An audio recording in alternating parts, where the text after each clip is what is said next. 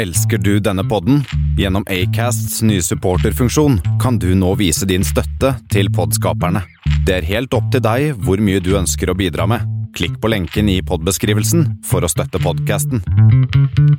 Denne episoden av Flypodden er sponset av NRW Communication Conference. Velkommen om bord i Flypodden, Norges eneste podkast om fly og luftfart. Og velkommen om bord i flight nummer 004, eller eh, episode 4 om du vil. De som sitter her og skravler luft, om luftfart, er som vanlig Thomas Lone. og Kristian Kamhaug. Og når vi spiller denne episoden, så er det 28. februar. Og vi har jo fløyet litt siden sist, Thomas, som vi har gjort, pleier å gjøre. Ja da, det har vi. Hadde en stille og rolig uke forrige uke, men denne uka her eh, har vært travel. Jeg starta på mandag med en liten tur til Trondheim. Eh, og SAS skal få litt kudos av meg i dag, fordi jeg kom opp tidlig på flyplassen på mandag eh, ettermiddag. Og da mm, gikk jeg bare bort på gate A2, nærmeste gaten, spurte hei, kan jeg få lov å være med nå? Og så smakk, så heiv de meg om bord. Det hjelper nok greit at man har en fin valør på kortet, og at det var en plussbillett, og en billig plussbillett, men det gikk bra. Enda mer kudos var når jeg skulle hjem igjen i går. Så var flyet helt fullt. Mange hadde vært bort til gatepersonal og kan vi komme med, kan vi komme med. Nei, nei, nei, sier de. Og så var det ei som heter Ida, som aldri dukker opp. Så tok de en beslutning om at Ida hun fikk være med på neste fly. Og jeg fikk sete 12F, så det var jo helt perfekt. Og jeg kom hjem to timer før tiden, så det takk til SAS. Så du kom hjem før du skulle, mens jeg hadde det motsatte. Ja, det jeg hørte noe rykte om det. Jeg hadde som vanlig en tur til Stockholm eh, for å besøke The Mothership. Og hadde, hadde planlagt et par, par, morgenmøter, egentlig formiddagsmøter, i, i, i staden med noen leverandører. Da det går fint, tar 6.55, og så rekker jeg som et par møter i byen før jeg tar uh, lunsj ute på kontoret nede i Sikla. Men det gikk ikke helt som jeg hadde tenkt. For jeg kom opp tidlig, tok meg en tur Jeg rakk, rakk ikke en tur i loungen, jeg hadde liksom litt dårlig tid, så da tenkte jeg ja, da går jeg til gate. Og så der var det rødt på skjermen. Og vi fikk vite at pga. mye snøfall på Arlanda, så var det slått. Og sånn Vi kunne vente ja, Tidligst om tre timer, var liksom den første beskjeden. Den er herlig. Når du har stått opp midt på natta for for, for, å dra tidlig. Eh, og så får du beskjed om at nei, det kan du glemme, egentlig. Men da traff jeg heldigvis en uh, god venninne av meg, så da tok jeg en tur i lunsjen og tok litt frokost og slappet av. Og, og, det er sånn på sånne dager som det her at det er veldig ålreit å ha lounge-tilgang. Ja, det, det, er veldig greit. Kan sitte og bare slappe av. Slippe å sitte ute i en overfylt terminal. Da, dog, det kan jo bli ganske fullt i loungen òg. Men... Ja, det var, ble ganske, ganske fullt der også etter hvert. Men eh, du fikk liksom slappa litt av. og Fikk lada telefonen og tatt seg en liten matbit. og... Og jeg satt godt og pratet med, pratet med min gamle venninne der. Og så da gikk, da gikk, tiden ganske fort. Var, det ble hyggelig, faktisk. Selv om det første ene møtet og så det andre møtet gikk eh, fyken.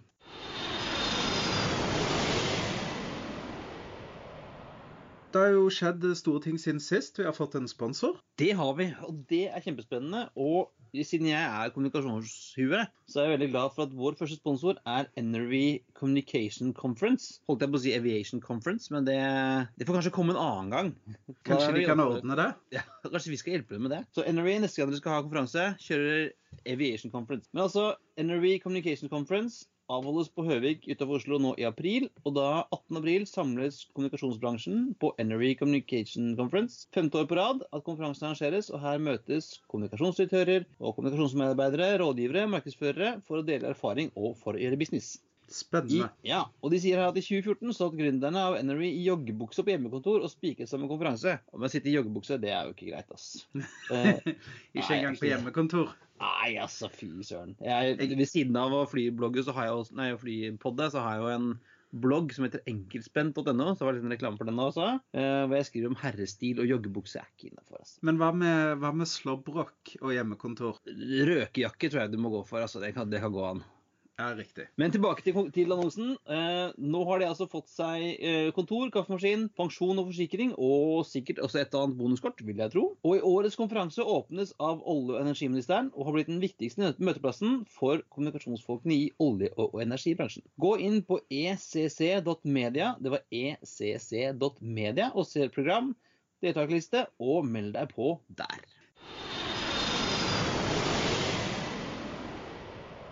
Det kom, det som var, kom en liten overraskelse nå i forrige uke, og det var at uh, Qatar Airways de kjøpte jo i september 49% av Italias nest største busselskap, Meridiania. Uh, og de har jo vært, liksom, ligget lenge under, under radaren. Det har holdt på lenge siden 63 som Alisarda først, og så ble de rebranda til Meridiania for noen år siden. Og så kjøpte jo også Qatar Airways seg inn med 49% nå i september.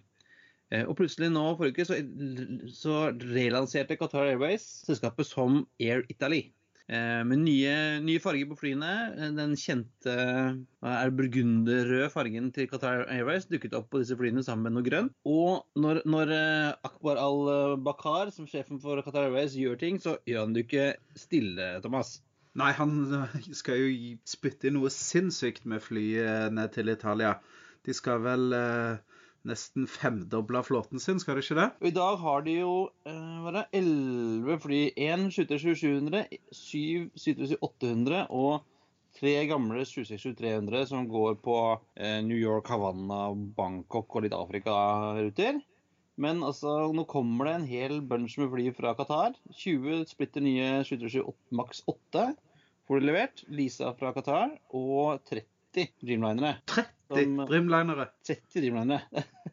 som um, ifølge Al-Bakar skal leases på markedspris fra Qatar Airways til Air Italy, men ja, det kan vel hende de får en litt koselig pris òg, tror jeg. Tror du dette kan ha noe med den eh, politiske situasjonen i Qatar, at de sliter med selv å få brukt flyene sine? Ja, vi har jo sett tidligere at, eh, at de har leasa ut fly til uh, British Airways, som jo Qatar Airways eier en liten bit av gjennom uh, IAG. Eh, og det kan hende at de, de, ønsker å få omsetning på disse flyene sine. For de starter jo nå med å overføre fem A330-200 til Air Italy, som kommer nå i mai allerede, tror jeg. Da kommer også den første, første Max 8. Og det er jo interessant at du har eh, Alitalia, som igjen sliter eh, hardt etter at eh, Etihad Airways eh, dro ut proppen og ikke ville gi dem mer penger. Og nå da kjører Qatar Airways inn og kjører Vi ønsker at de skal liksom ta, ta bli ledende flyselskapet i Italia om noen få år. De har jo en ganske hårete ambisjon om å gå inn til opptil 10 millioner årlige passasjerer i 2022 og 50 destinasjoner. Både internt i Italia, i Europa og Intercon. Riktig. Har de satt noe hvor de skal legge lista i forhold til eh, hvordan de skal posisjonere seg i markedet. Skal det være eh, low frills, low cost, eller eh, ønsker de å være et fullverdig fullservice nettverksselskap? Qatar Airways gjør jo ikke noe low cost. Nei, så, det er et dumt spørsmål. Ja, så De kjører jo på full service. De skal jo som forbi, gå forbi Alitalia og bli veldig gode. De lanserer Det blir business class på alle fly, pluss noe som de kaller for en superior economy class på alt. Eh, hva nå det betyr, men det betyr vel at det ikke, ikke blir buy on board på den kjerra der, jeg tror. Nei, riktig. Det blir spennende å følge med på. Eh, det er absolutt Italia er jo et marked som, eh, der du har en stor aktør som ligger litt med brukken rygg. Kan dette bli den endelige spikeren i kista for Alitalia? Kanskje, kanskje ikke? Jeg vet, Det er vanskelig å si. altså. Jeg vet, eh, Det er jo en veldig politisk situasjon i Italia. altså det, Alitalia burde vært uh, lagt, lagt, ned for lenge siden, hvis du ser på liksom det, det, økonomiske der. og Det er jo en, uh, en ordentlig ja, der, altså, som Etihad Airways ikke klarte å gjøre noe særlig med. Altså, når de bare gitt opp og prøvde å, å, å bli kvitt greiene. Så jeg skal ikke se bort fra at det i hvert fall gjør en det, Jeg tror italienske flypassasjerer blir veldig happy for å få et alternativ til Alitalia. Nå har De jo sagt at de, skal, altså, de fortsetter å ha hovedkontoret som tradisjonelt har ligget på Sicilia, fortsetter å være der. Men de skal ha hovedbasen sin på uh, Malpensa, som er, jo, ja, som er den flyplassen som måtte, Alitalia glemte når de gjorde sin restrukturering. Så, så, så forsvant de mye fra Malpensa til norditalienernes eh, store forargelse. Så blir hovednavet for uh, Air Italia blir uh, Malpensa, men de kommer også til å kjøre en del fra uh, Fiumicino i Roma. Så Alitalia får bank på alle, ja, på alle fronter, altså.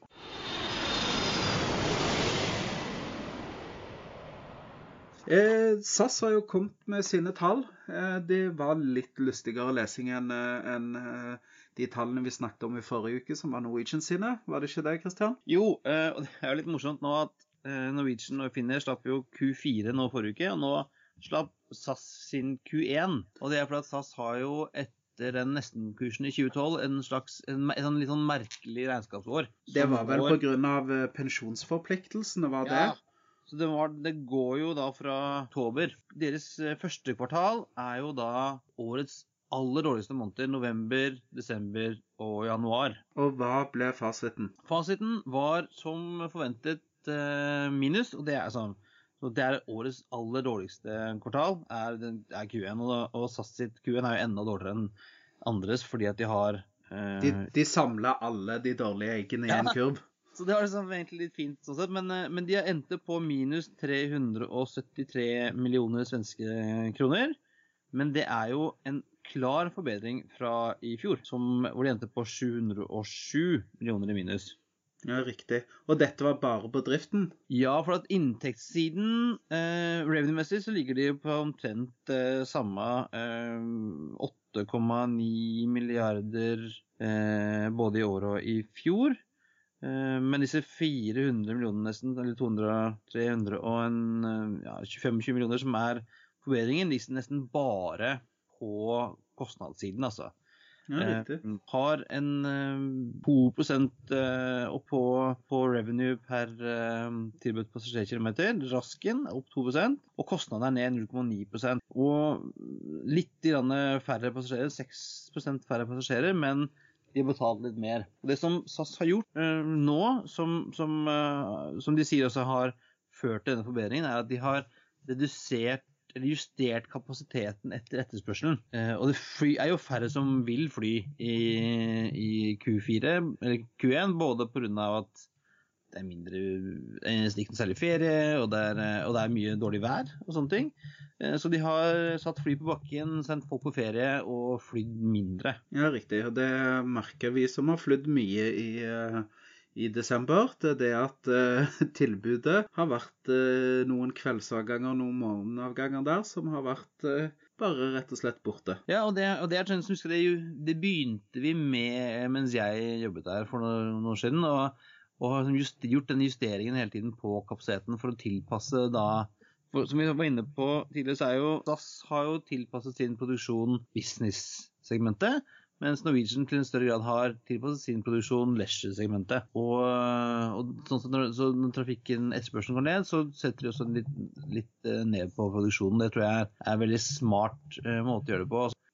Jeg må bare si én ting hvis det er noen i SAS som hører på her. Eh, og jeg er ikke glad i å rante, men jeg må bare ta en liten rant. For jeg så her for en uke, halvannen siden, så kom SAS med et tilbud til eurobonusmedlemmer. Det var det at hver mandag og hver fredag, var det i februar og mars, så tilbyr de 15% avslag på mat og drikke som man kjøper om bord på flighter over 80 minutter. Hva, hva slags tilbud er det? Jeg, jeg, nå, jeg har falt av allerede. For Ja, altså, ikke sant? Ikke hver dag, og ikke på alle flights. Og Jeg tenker Da kan du legge til ja, det er kun når månen står i ny og ascendanten til Mars står i Venus. Da får du 30% på drikke, men ikke på mat. Altså, ja, det, hva er dette her, SAS? Kan du ikke bare gi 15 da på alt mat og Ja. drikke i en tidsbegrensa periode hvis du er eurobonusmedlem? Hvis intensjonen er å få flere eurobonusmedlemmer, som jeg tipper det, gjør noe som folk forstår, da. er det bare la være. Det der er umulig å kommunisere. Det var min rant. Takk. Eh, Jeg har også sett eh, det er spekulasjoner om at eh, Flyby i Storbritannia, det er vel det tredje største flyselskapet, kan skifte eier. Stobart Group, som bl.a. eier Stobart Air og flyselskapsplassene i Carlisle og Southend, de har eh, bekreftet at de vurderer å legge ned et bud på, på Flyby. Eh, De gikk jo ca. 200 millioner i underskudd i det forrige regnskapsåret. Eh, Så Det har aldri vært en strålende business, det der selskapet der, altså. Nei, det har ikke det. Men allikevel så tydeligvis så mener da Stobart Group at de har både musklene og kunnskapen og, og det som skal til for å få det flyselskapet rundt. Det morsomme er jo faktisk Stobart Air, som er, de er jo sånn wetlease ACMI-operatør. Og de flyr jo en del wetlease for uh, Flyby allerede i dag. Og så flyr jo, wet, flyr jo Flyby wetlease for bl.a. SAS. Ja. Så det er litt sånn uh, leie ut til leie ut til leie ut. Ja. Så det Nei, det, det, det blir spennende. De har jo um, Flyby har jo kanskje vært et sånn uh, Ja, skal man si forbilde, da. For litt uh, Mange har jo ment at hvordan Widerøe skal gå fra det å bare være et regional-selskap til det man kaller en sånn regional low cost carrier. Den forretningsmodellen har jo ikke lykkes så godt til nå, så vi får se med, med Flyby. Men vi skal jo snakke mye om forretningsmodeller og hvilke merkelapper man setter på flyselskapene senere. Ja, men husker jeg var, jobbet i Widerøe for, for lenge siden, så var vi faktisk og besøkte Flyby ved i hvert fall én anledning. Og liksom for å lære så mye vi kunne av dem. Og de var veldig åpne på det. Men det var sånn, jeg tror det var to eiere siden. Det var da de var, fremdeles var familieeid, før de gikk på børs. Ja, riktig. Men de har holdt ut, altså. De har jo liksom gjort litt fram og tilbake og var, hadde mye jetfly en periode. Solgte en del av de embraerne sine ut. Konsentrerte seg mer om, eh, om propell eide jo, hadde jo i hvert fall et godt samarbeid med Logan Air, som også fløy wetlease for, for Flyby, men nå flyr Logan Air alene. Sånn, det, det, skjer mye på det britiske regionalmarkedet. Eh, og det morsomme er jo sånn at små britiske byer er jo liksom på størrelse med Bergen og Stavanger og Trondheim. Så de har jo definitivt et passasjergrunnlag. Men nå er jo geografien i England litt annerledes, da. Det er veldig raskt å komme seg fra Birmingham til London for å f.eks. ta et fly ut i verden. Så det er jo en litt annen type geografi som man har på de britiske øyene enn f.eks. her i Norge. Ja, og så har du en del flyplasser som er vanskelig å komme inn på. så jeg tror det, Du skal slite hardt med å få en Q400 inn på Heathrow liksom i peak. Ja, det er sant. Uh, og det er, jo dit, er jo dit gjerne folk vil. Også fra som småbyen i England så vil du inn til Heathrow, og ikke som, til Gatwick eller uh, andre steder. altså. Men spennende. Vi får uh, følge med om Stobart kjøper og hva som skjer med Flyby etterpå. Altså, for det er jo altså, det er en stayer, og har Om ikke de får det helt til, så har de som kanskje de som har fått, fått til den derre low cost regional-modellen best til med, med relativt små fly, da likevel får ting til å gå rundt, altså.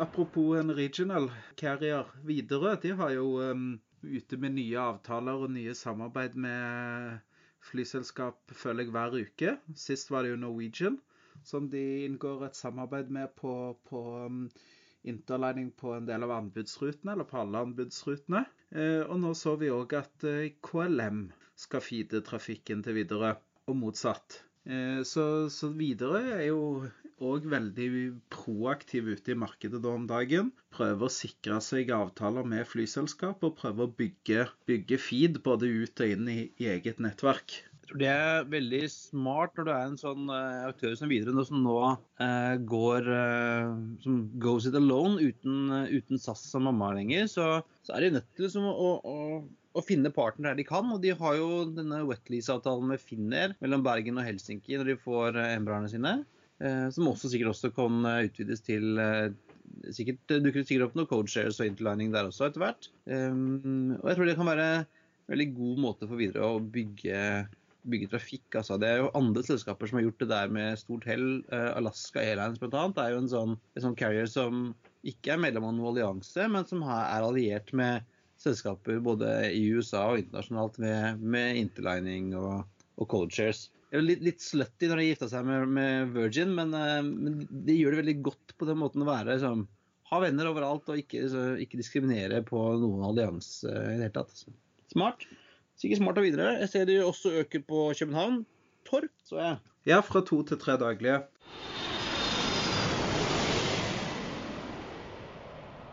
Eh, og du har vært på noe som er litt flyrelatert, men kanskje ikke helt flyrelatert, på en måte? Litt... Jeg har vært på boklansering, faktisk. Såpass? Det er ikke hver dag jeg er på boklansering, men eh, jeg var på en i går. Eh, fordi jeg ble invitert av eh, Kjell Brattås, som er seniorrådgiver i Samferdselsdepartementet. For han har gitt ut boka 'Crisis Communications'.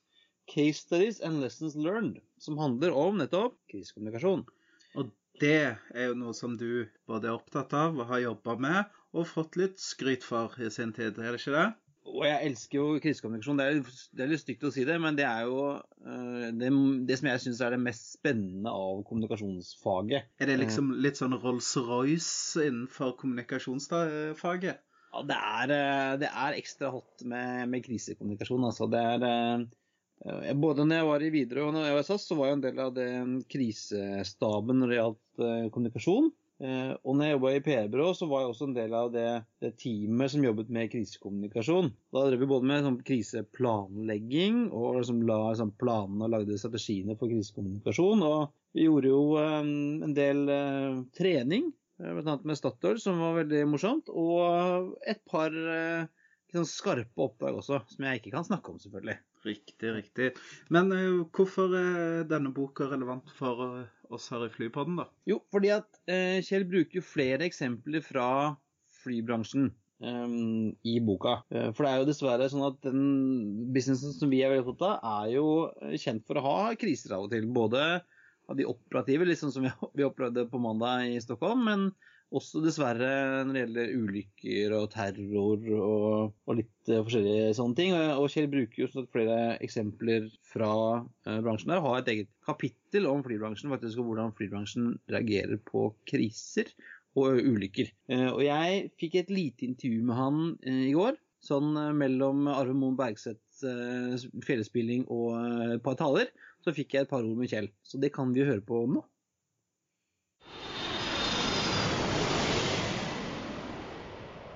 Da står jeg her sammen med Kjell Brattås, som akkurat har lansert boken sin 'Crisis Communications', ehm, med gode eksempler bl.a. fra flybransjen. Eh, Kjell, hvorfor har du valgt mange eksempler fra fly? Jeg tenker at flybransjen er eh, veldig spesiell når det gjelder eh, krisehåndtering, fordi de ofte har kriser som nærmest går live. Man har sett flere ganger at flere og flere fly nå har internett om bord. Og da er det, hvis flyet får tekniske problemer, så er det jo da mulig for passasjerene å sende meldinger direkte om eh, det som skjer. Og det er store utfordringer og mye å lære fra den bransjen. I forhold til andre bransjer, hvordan syns du flyselskapene er i håndteringen av kriser når de, når de oppstår? Eh, det er veldig mange gode eksempler. Eh, jeg mener bl.a. at Germanwings-hendelsen ble håndtert veldig bra. Annet så, så man at de veldig raskt etter at uh, ulykken skjedde, så endret de toppbanner på Facebook f.eks. For, eksempel, for å vise at de da var i en, en, annen, en, annen, situasjon enn at de skulle selge billetter. Men det er også selvfølgelig eh, mye å lære av, av ting som ikke fungerer så bra. Bl.a. så man etter Asiana-ulykken i San Francisco at de gjorde en veldig dårlig jobb med å håndtere pårørende. Med den kjente piloten 'Something Wrong'? Ja, det var en veldig interessant sak som eh, skjedde der, hvor et, eh, et eh, lokalt TV-selskap ble lurt nærmest til å, å gi noen gale navn på, på, pilotene. Hva tror du er den største utfordringen for å drive krisekommunikasjon i dag? Er det sånn 24 hour news cycle, eller er det sosiale medier? Jeg tror nok det er sosiale medier og det at ting skjer veldig raskt. Og vi har jo sett at IATA nettopp har gitt ut noen guidelines for sosiale medier og De sier jo da at flyselskapene bør være på sosiale medier eh, minimum, eller maksimum, 15 minutter etter at eh, det har skjedd en hendelse. Og det er ganske vanskelig å, å følge opp. Så den uh, Golden Hour, som har vært som, uh, den ledestjernen for krisekonvensjonen tidligere, den er sånn forbi? Ja, jeg tror dessverre at The Golden Hour nå er over. Nå er det mer The Golden Quarter. Og man må være på hele tiden og ha systemer som gjør at man fanger opp når noe skjer veldig raskt. Ja, eh, og den, Noen av disse har du nevnt i boka di, som eh, jeg har lest eh, ganske langt i allerede. Jeg har kjøpt den på Kiddel, men det fins jo på papir også. Det er mulig å kjøpe den på papir også, etter hvert også i norske bokhandlere. Og det er jo da jeg har skrevet om to case studies som gjelder direkte flyulykker. Og også et eget kapittel som handler om flybransjen. Da gleder vi oss til å lese resten om den, Kjell. Og så lykke til med salget. Tusen takk. Ja, og du kom ikke tilbake tomhendt fra den eh, boklanseringen heller?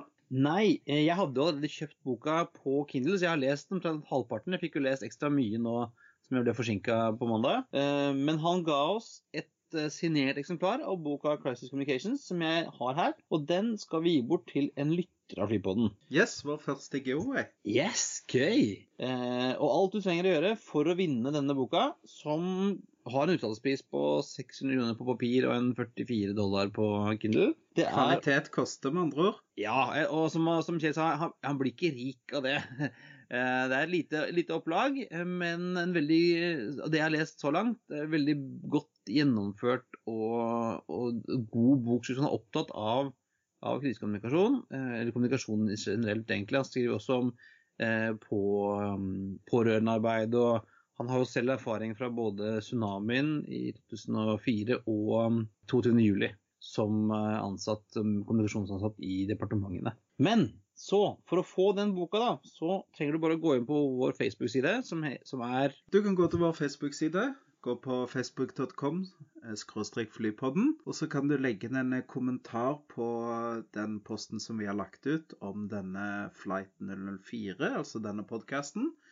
Kommenter, eh, skriv hvorfor du syns at nettopp du skal få denne boka. Så enkelt er det.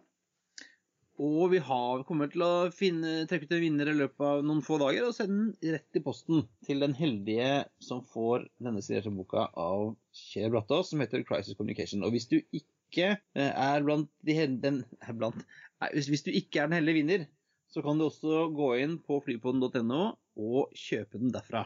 Veldig, vi blir veldig glad hvis du går inn på den Amazon-linken og kjøper boka via oss, så får vi noen øre, vi også, til å betale for ny mikrofon, blant annet. Ja, det, det, går litt. Tenker at, man tenker jo gjerne det at det å starte opp en podkast er gjort på en, to, tre, men eh, det er litt kostnader her og der, så det er fint hvis folk kan støtte oss hvis de liker Flypodden. Bra. Skal vi bevege oss til ukens tema? Ja. Og uh, ukens tema er Hva, hva skrev vi i introen? Uh, Fins lavprisselskapene lenger? Eller blir alle hybrider? Finnes det noe klassisk lavkostselskap, eller finnes er nettverksselskapet død? Altså, Skillene er jo utrolig vanskelige. Før, for ti år siden, så var skillene ganske klare. Hva var et lavkostselskap, eh, og hva var et tradisjonelt nettverksselskap à la SAS, Lufthansa etc. Eh, det tenkte vi at vi måtte ta et lite dypdykk i. Ja, for det, det var liksom sånn, sånn clear cut for noen år siden. For da var, var, du eh, Det kalte det for et lavprisselskap, lavkost. Så var det sånn, da fløy du gjerne punkt til punkt. Du hadde ingen eh, frill som bor, ikke noe gratis. Du fløy gjerne til sånn odde flyplasser fra ingensteds til ingensteds. Uh, kunne bare kjøpe billetter på nettet. Fantes ingen interlining, ingenting. I motsetning til de, de tradisjonelle nettverksselskapene som hadde interlining og codeshare. og man kunne fly via hubs, og de hadde forskjellige typer fly, og man fikk god servering, og alt var gratis. Eh, men sånn er det jo ikke helt i dag lenger. Nei, i dag så ser vi jo f.eks. hvis vi ser eh, er litt navlebeskuende, så ser vi det at Norwegian tilbyr fast track. De har tilbyr bonusprogram, man kan opparbeide seg fordeler. Eh, de begynner jo nå å samarbeide med andre flyselskaper, ref. Sant? Så mens kanskje andre igjen, sånn som SAS, går andre veien.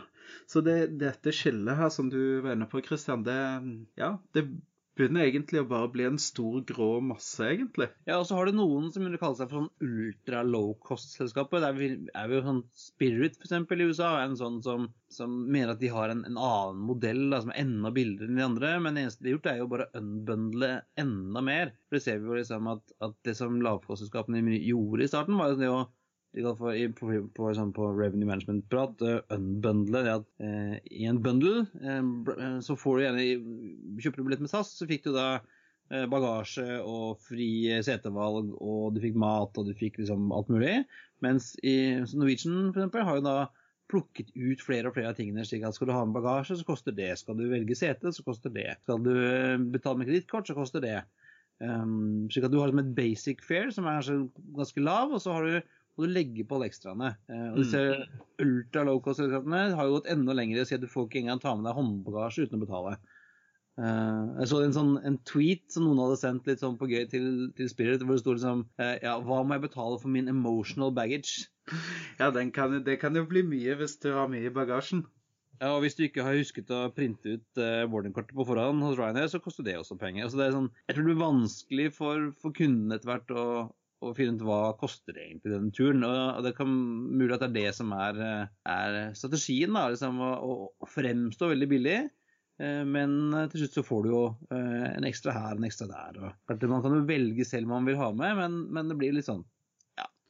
Jeg tror kanskje mye av dette her bunner ut i at du ønsker å være den som havner på topp på Finn eller Momondo eller Google Flights eller hva ellers man måtte bruke, så ønsker man at det er sitt selskap som havner på toppen når folk søker på en reise fra A til B. Og da er det å tilby den laveste prisen i forhold til du får et sete, ingenting annet. Alt annet kommer i tillegg. Og er og den ene, ene enden, men så ser du som du inne på at, at disse selskapene begynner liksom å, å, nærme seg hverandre. Norwegian har jo til og med de har jo nå eh, det de kaller for premium economy, som er en slags business class på long hold. De har vel også lounge til og med tilgang når du flyr denne premium economyen sin. Når du flyr, eh, når du flyr hos Norwegian, så er det i hvert fall lounge i Oslo. Jeg så nå at uh, Eurowings, som flyr uh, low cost uh, long kjører også nå business class på sine A340. Og sammenligner du f.eks. JetBlue, som et, som kaller seg selv et low cost-selskap, med United, så har du jo på United ingen gratis drikke, ingen gratis servering. Du betaler for bags. Mens på JetBlue så har du, har du gratis drikke og snacks og gratis eh, TV og internett og sånn. Hvor, hva er forskjellen etter hvert, da? Og det er jo litt sånn IATA har jo en, en, eh, definisjon i forhold til dette med hva er en eh, low cost carrier, hva er et lavkostselskap. Og Da sier de jo det at ja, det er primært point-to-point trafikk. Gjerne utelukkende short-haul-ruter. Gjerne da, som du var inne på, mellom regionale eller secondary flyplasser. De har begrensa passasjerservice, altså, og, og alt tar de ekstra betalt for. F.eks. mat om bord, internett etc. Og de har IATA sier òg at det som kjennetegner lavkostselskaper, er mye booking gjennom internett, eh, høy bruk av fly, altså høy, høy bruksfaktor, eh, kanskje bare én enhet, én flytype i flåten, og, og, den type ting. Og vi ser jo da at hvis man bruker den lista til IATA, så ser vi jo det at flere og flere av de tradisjonelle lavkostselskapene beveger seg bort ifra det. Eh, mange snuser jo, og noen har gjort det i forhold til dette med å gå litt bort ifra short haul og så gå på long haul. Eh, man begynner å tilby ja, sånn som fast track og den type ting. Så hvis man skal holde seg til IATA sin definisjon av, en, eh, av et lavkostselskap, så vil jeg si at f.eks. Norwegian da, begynner å bevege seg bort ifra den. Ja, selv Ryanair tilbyr jo interlining med Aer Lingus bl.a., så det er jo ja, det er de, de, endrer veldig på liksom, så, så der, Det skillet mellom modellene blir liksom litt sånn Litt kunstig at alle er flyselskaper. Gjør ting på forskjellige måter, bare. Det, det, må jeg si. Jeg hadde en, en kompis av meg eh, som tok eh, Air Asia fra Jakarta til Bangkok. Eh, og det er jo typisk lavkostselskap. Det var en billig flybillett, kosta noen hundrelapper. Og så betalte han jeg tror det var 50 kroner ekstra for noe som heter Royal Carpet Club. Eh, og han sa at det var like god service nesten på flyplassen på bakken som han hadde fått på Lufthansa First Class. Det var en, passasj, ja, det var en person som fulgte han fra check-in, gjennom sikkerhetskontroll, eh, ut til gate-området, fant et sted å sitte foran. Når det var tid til å borde, så fikk han borde først. Denne kaller assistenten, om du vil, komme og hente han, og nå er det på tide å borde. Så han sa at eh, Erasia det var jo eh, blant de, blant de bedre han hadde flydd, for de betalte litt ekstra, og så fikk du jo den servicen som han aldri hadde opplevd hos noen av disse såkalte nettverks- eller fullserviceselskapene. Så det, det, det er noe som skjer i dette markedet, altså. Det er det. Både var... på det som er inkludert, og de tjenestene ekstra som tilbys. For Du var inne på at han betalte ekstra, og jeg tror det er der vi kommer mer og mer til at uh, at man skreller ned basisproduktet til liksom en stol, eh, og så får du betale for det du vil ha ekstra. Altså, altså eh, det kan hende det er greit. Eh, nå har jo til og med SAS begynt å ta betalt for eh, en bag på de, på de laveste billettene. Eh, du må betale for eh, å velge sete på longhold til Asia, vel, allerede? Ja, nei, på hele nettverket. Ja. og SAS har jo introdusert en sånn Go Light-billettype som er uten bagasje. Til og med for statuskundene ble jo det fjerna nå. Det var jo en, eh, litt, en, god fordel for både sølvkunder og gull og diamant og, og, hva som helst. Det var jo det at eh, bestilte man disse laveste flyse, eh, den Go-Lighten, så kunne man jo da ta med seg en eller to bager ekstra da i forhold til hvilken status man hadde i eurobonus. Det er nå tatt bort også. Og ser du på, på cateringen om bord innenfor Norge, så er det jo Det, det syns jeg er litt pussig hvis man ser Nå blir dette en digresjon, da, men f.eks. hva man får på én times flight eh, f.eks. innenfra Asia. Flyr du fra Bangkok til Ho Chi Minh en times flytur i businessklasse, så får du jo full middag nesten, og du får den oppakningen. Eh, gjerne også i et ordentlig businessklassesete.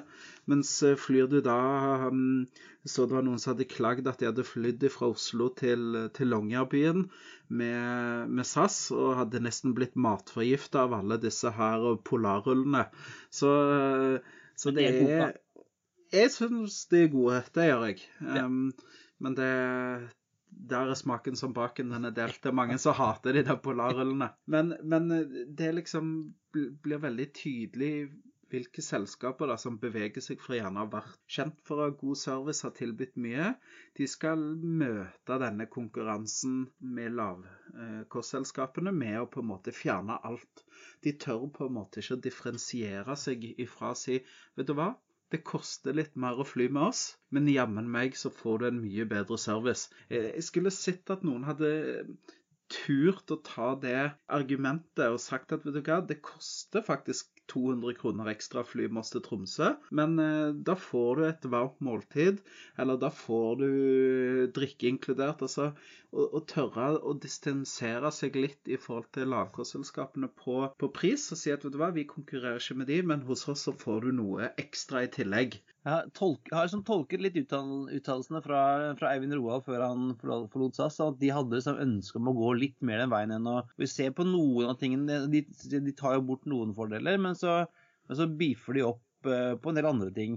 Eh, blant annet matserveringen på Longhall og litt sånn eh, ting. Så jeg får se som, håper de velger den, den, veien der, at de faktisk da bruker den muligheten nå til å differensiere seg litt mer. Sier selskapene La Compagnie deg noe? EOS Airlines, Max Jet og Silverjet? Det er jo selskapet som gjorde akkurat det du sier der. De gikk ja. jo for å kjøre litt en, en, fin, litt mer, ja, et bedre produkt. Og og av de som du nevnte, er vel bare La Compagnie som fremdeles flyr? Stemmer det. stemmer det. De har, de har et, de to, to jeter. Ja, to 757-200 vel, som er eh, ren business eh, class, som de kjører Stemme. mellom Paris og New York. Og de blir fasa ut i 2019, og så da får man to stykk Airbus A320 Neoer som vi snakket om tidligere. Det det, det er mulig at hvis det, hvis får, altså, det, det må ha såpass marked som Paris-New eh, York for å finne nok folk som er villige til å betale. Det har jo flere som har prøvd det mellom eh, New York og London også, uten å få det, få det til, altså. Ja, men Det er jo litt sånn spennende. da. De har tatt en nisje med at eh, ja, vi er et lavkostselskap, men vi tilbyr all business class. Det, det, er dyrere å fly med oss, men du får også et bedre produkt. Og eh, jeg syns det er spennende måten de gjør på. De, de lanserte jo her i fjor også et sånn all you can fly pass mellom New York og Paris. Eh, hoster du opp 40 000 dollar, så kan du fly da så mye businessklasse du vil mellom eh, Paris og, og, New York i ett år. Hadde ikke gjort noe annet enn å fly, du, Thomas, hvis du hadde hatt den der? Nei, hadde jeg vært ungkar og spellemann, så kunne jeg bare solgt eh, bolig og alt, og så vært i, fly, vært i lufta 16 timer i døgnet, og så vært i loungen resten.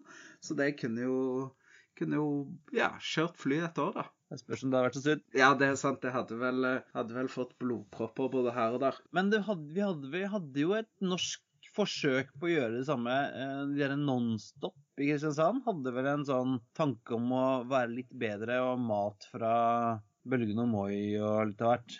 ja, og alle, og alle fikk iPad og delte ut eh, og litt sånn forskjellig.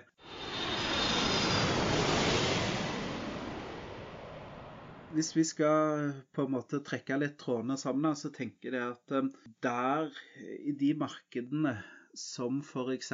Europa og Nord-Amerika, der du har såpass aggressive lavkostselskaper som Ryanair, som Spirit, som JetBlue, som EasyJet, Norwegian etc., så, så, så tror jeg at man på en måte man vil se at de tradisjonelle lavkostselskapene gjerne ser litt eh, Fordi, sånn som eh, jeg hørte i forhold til Norwegian, altså de, de må gjøre seg attraktive for forretningsreisende. De sa vel her på Valebrokk eh, og Co-podkasten her, når de snakket om Norwegian, så sa de at i et amerikansk flyselskap eh, som jeg ikke husker de nevnte navnet på, så sto 10% av kundene for over 50% av omsetningen. Sant? Så klarer du å trekke til deg de reisene der, Eh, så gjør det utrolig godt på bunnlinja. Det er derfor jeg tror at vi ser at sånn som Norwegian og Ryanair og disse begynner å tilby slike tjenester. For de, skjønner det. Vi kan ikke leve av um, ferietrafikk alene. Vi er nødt til å få inn disse folka som flyr én gang, to ganger, tre ganger, fire ganger i uka, og gjerne ikke tar regningen sjøl. De må et sted, og da må de da koste hva det koste vil. Så jeg tror vi kan vi kanskje konkludere med at vi tror vel at i den bakre delen av kabinen så blir det mer skrell, men at man kan bli litt mer pampered foran. I hvert fall eh, hos lavkostselskapene.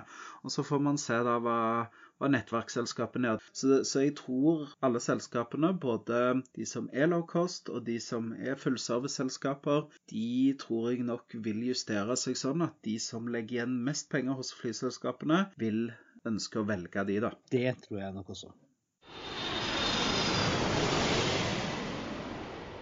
Tenker vi må jo avslutte. Vi begynte jo på en liten tradisjon da du startet med å anbefale noe podkast, og jeg uh, fulgte opp med å anbefale noe en restaurant som jeg liker veldig godt i forrige podkasten. Vi har jo snakka litt om det, Kristian, at uh, vi ser jo på mange av de som med en gang de kommer i flyet, så setter de seg ned, drar opp PC-en, skriver masse mailer fram og tilbake. Men du er ikke helt der, og det er ikke jeg heller. Du nyter gjerne en bok eller en film. Ja, og dessuten, nå, nå har jeg begynt å, å skylde på, på, compliance, egentlig, at jeg ikke jobber på flyet. Ja, riktig. Det er bra. ja. For vi har fått så mye Jeg har jobbet mye med compliance-kommunikasjon i det siste. Og, ja. og, en av de tingene de snakker om, er jo at pass på at ikke andre ser hva du driver med. Sant? Eh, jeg har sett mye rart. Mye rart ifra politiske dokumenter, vedtak som skal opp i fylkesting ja, det er mye du ser når du sitter f.eks. på pluss eh, hos SAS eller framme i kabinen hos Norwegian. Ja, altså derfor, derfor, sier jeg nå at, at jobbe på fly, nei, det kan jeg ikke. Det, det vil ikke compliance at jeg skal gjøre. Så jeg er veldig, jeg er veldig compliant. Eh, og Derfor ser jeg heller en film eller leser en bok eller et eller annet. Um, og en film som jeg lastet ned fra iTunes for en liten stund siden, var en film jeg hadde lyst til å se på kino, men jeg kom aldri så langt. Så jeg kjøpte den istedenfor.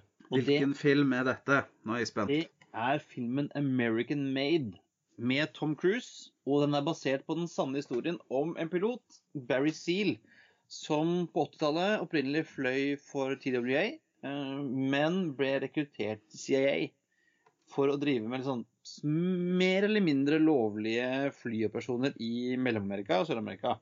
Uh, og den har fått litt sånn, litt sånn blandet uh, mottakelse, men jeg syns den var gøyal. Jeg syns det var bra tidtrøyte og Tom Cruise uh, spiller uh, bra pilot, han. Han har jo erfaring fra Top Gun back in the day også. Og for oss uh, flynerds så er det jo mye gøyal. Mye gøyal flying. Det er det jo. Blant annet så er det en helt episk krasjlandingsscene. som, som bare den alene gjør nesten filmen. Og så er den veldig til tider veldig morsom. og den er litt sånn noen har sammenlignet den med Forest Gump. For på samme måte som Forrest Gump møtte alle presidentene eh, av filmen, så er liksom, eh, han Barry Seal innom omtrent alle mulige skandaler eh, i løpet av 80-tallet. Han er involvert er i Iran-Contras. Han eh, plutselig skal fly han drugs for Pablo Escobar, sånn godkjent av CIA.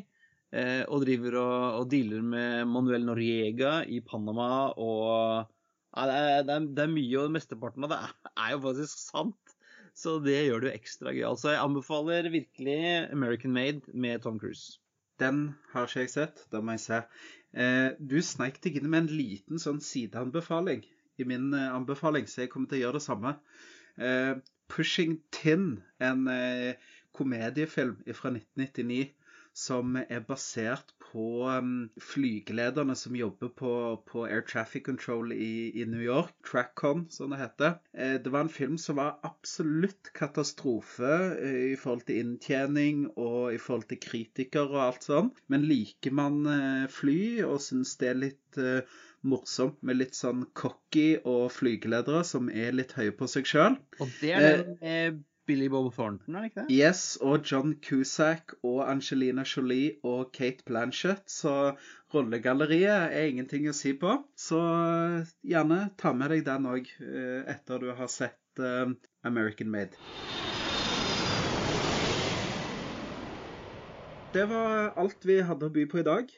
Eh, Gå gjerne inn på flypodden.no for å finne lenker til det vi har snakket om i dag. Ikke glem å abonnere på Flypodden i iTunes, og gi oss gjerne en fin rating. Eh, Vi har fått mange eh, ratinger der nå, og vi har fått en ny som noen har skrevet noen fine ord til oss, og de har vi lovt å lese opp. Ikke sant, Kristian?